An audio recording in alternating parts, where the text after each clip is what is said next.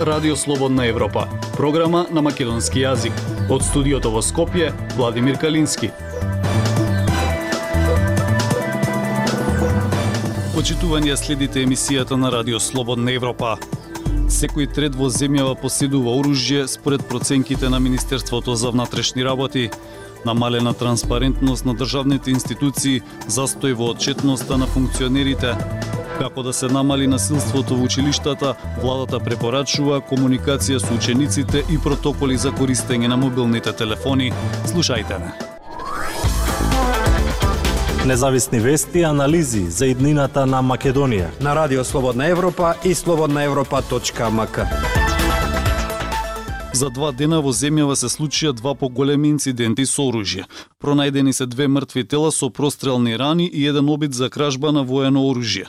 Според проценките на Министерството за внатрешни работи, 620.000 парчиња огнено оружје поседуваат цивили во земјава, од кое 180.000 е легално.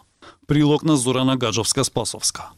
Жител на Демиркапија си го убил соседот, кој живеел во стан над него во зградата. Пооткако стигнал дома се самоубил. 72 годишниот маж имал дозвола за пиштоло со кој го убил 34 годишниот сосед. Наводно, затоа што му пречело дрпањето од горниот кат. Полицијата и обвинителството соопштија дека отворили истрага. Само неколку часа по ова соопштение од основното јавно обвинителство известија дека отворили истрага против 23 годишен скопјанец за обид на кражба на воено оружје во објект на армијата. Според последните проценки во анализата истражување на мало оружје во земјава има над 620.000 парчиња огнено оружје, од кои 450.000 се смета дека е нелегално. Тоа значи дека на 100 луѓе 30 имаат оружје, од кои 8 не имаат дозвола за посадување оружје, а 22 немаат. Истражувањето се однесува на земјите од Европската Унија, Западен Балкан и Молдавија. Во тоа друштво од 34 земји. Македонија е на седмо место по посадување на нелегално оружје. Првото место го делат Црнагора и Србија, каде на 100 луѓе 23 посадуваат нелегално оружје, а 17 имаат дозвола за него.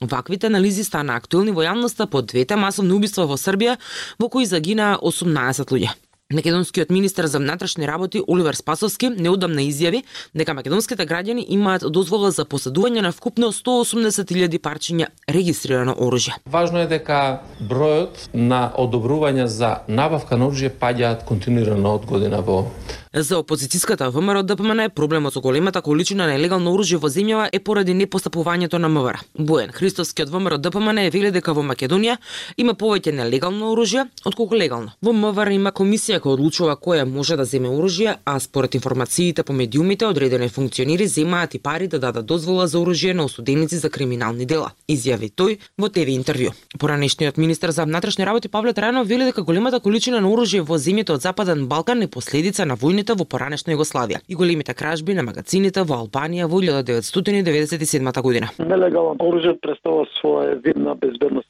закана за стабилноста на државата. Според него земјава не е дел од рутата на нелегална трговија со оружје. Туку представува крајен консумент на оружјето. Само во текот на минатата година македонската полиција заплинила 139 нелегални парчиња огнено оружје, од кои 73 се пиштоли, неколку автоматски, полуавтоматски пушки и 34 ловни пушки. Полицијата лани до обвинителството поднела и кривични кривични пријави за 210 сторители на дела поврзани со нелегално поседување на оружје. Во последната стратегија за борба со нелегално оружје од 2022 година, илегалната трговија со оружје е идентификувана како сериозен проблем во земјава, поради што ОПС започна проект за поддршка на властите. До 4 јуни годинава е крајниот рок кога луѓето кои имаат дозвола за поседување на оружје во Македонија се должни да ја заменат со нова. Во соработка со UNDP, Министерството за внатрешни работи работи на проект за дигитална база на оружје. Целта на проектот е целосна, брза и ефикасна евиденција на секое парче легално поседувано оружје со што ќе се олесни борбата на полицијата против нелегалната трговија со оружје во државата.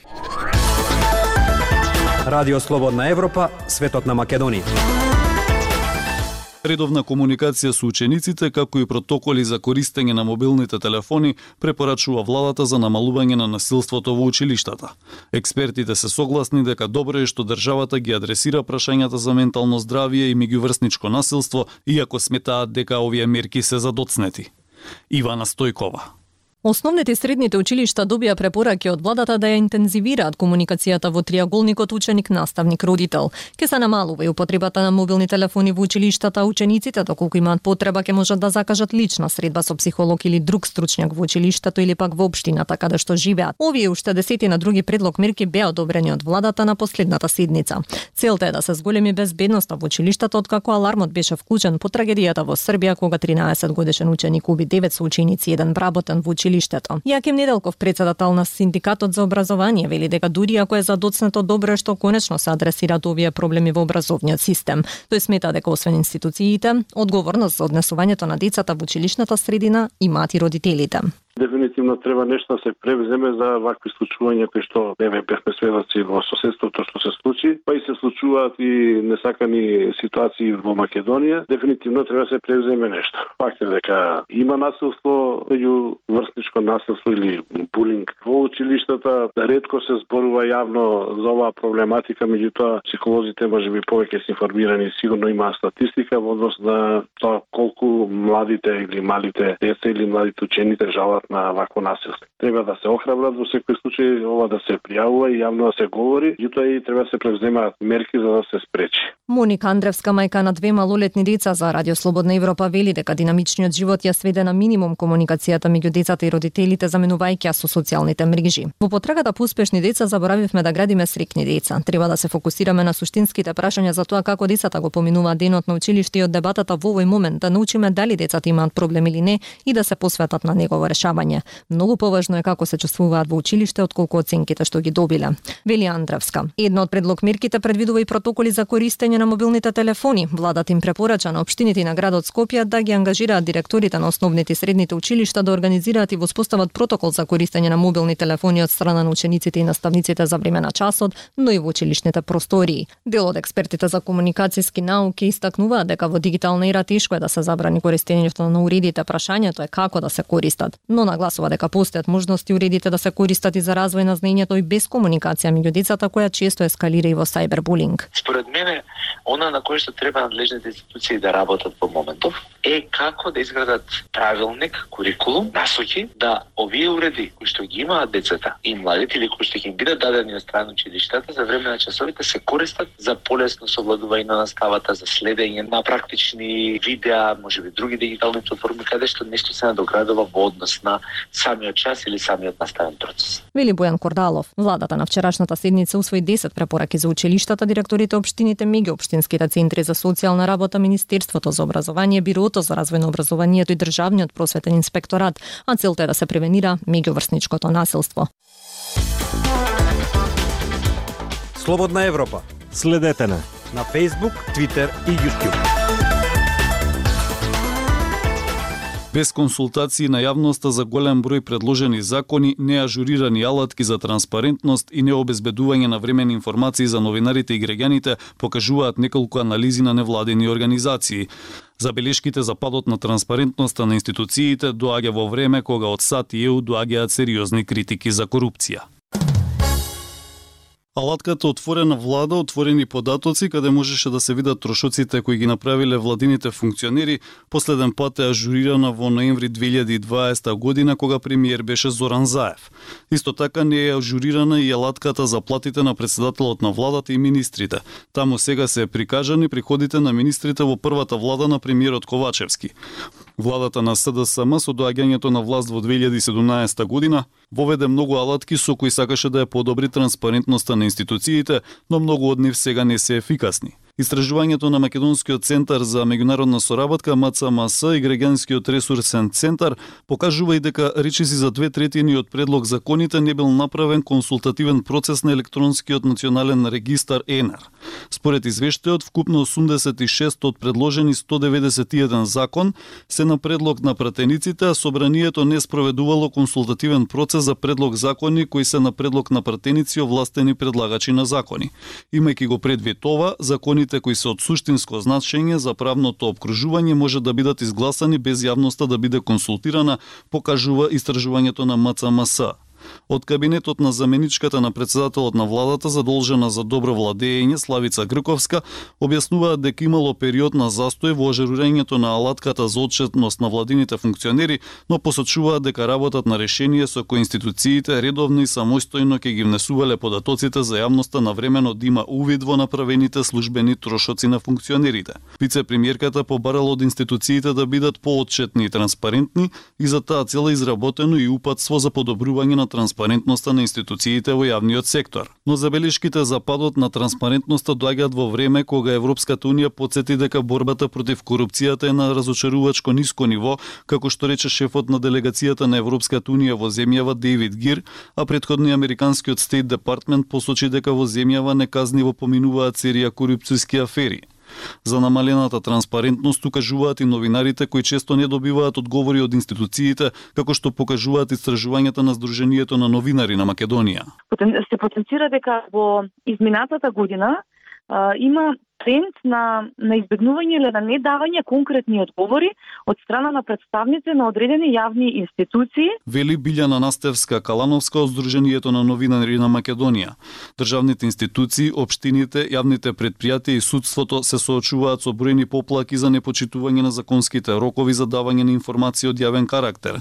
Тоа го покажува годишниот извештај на Агенцијата за заштита на правото на слободен пристап на информации од јавен карактер за 2022 година, кој исто така покажува дека отсутствува транспарентноста на институциите. Актуелности свет на Радио Слободна Европа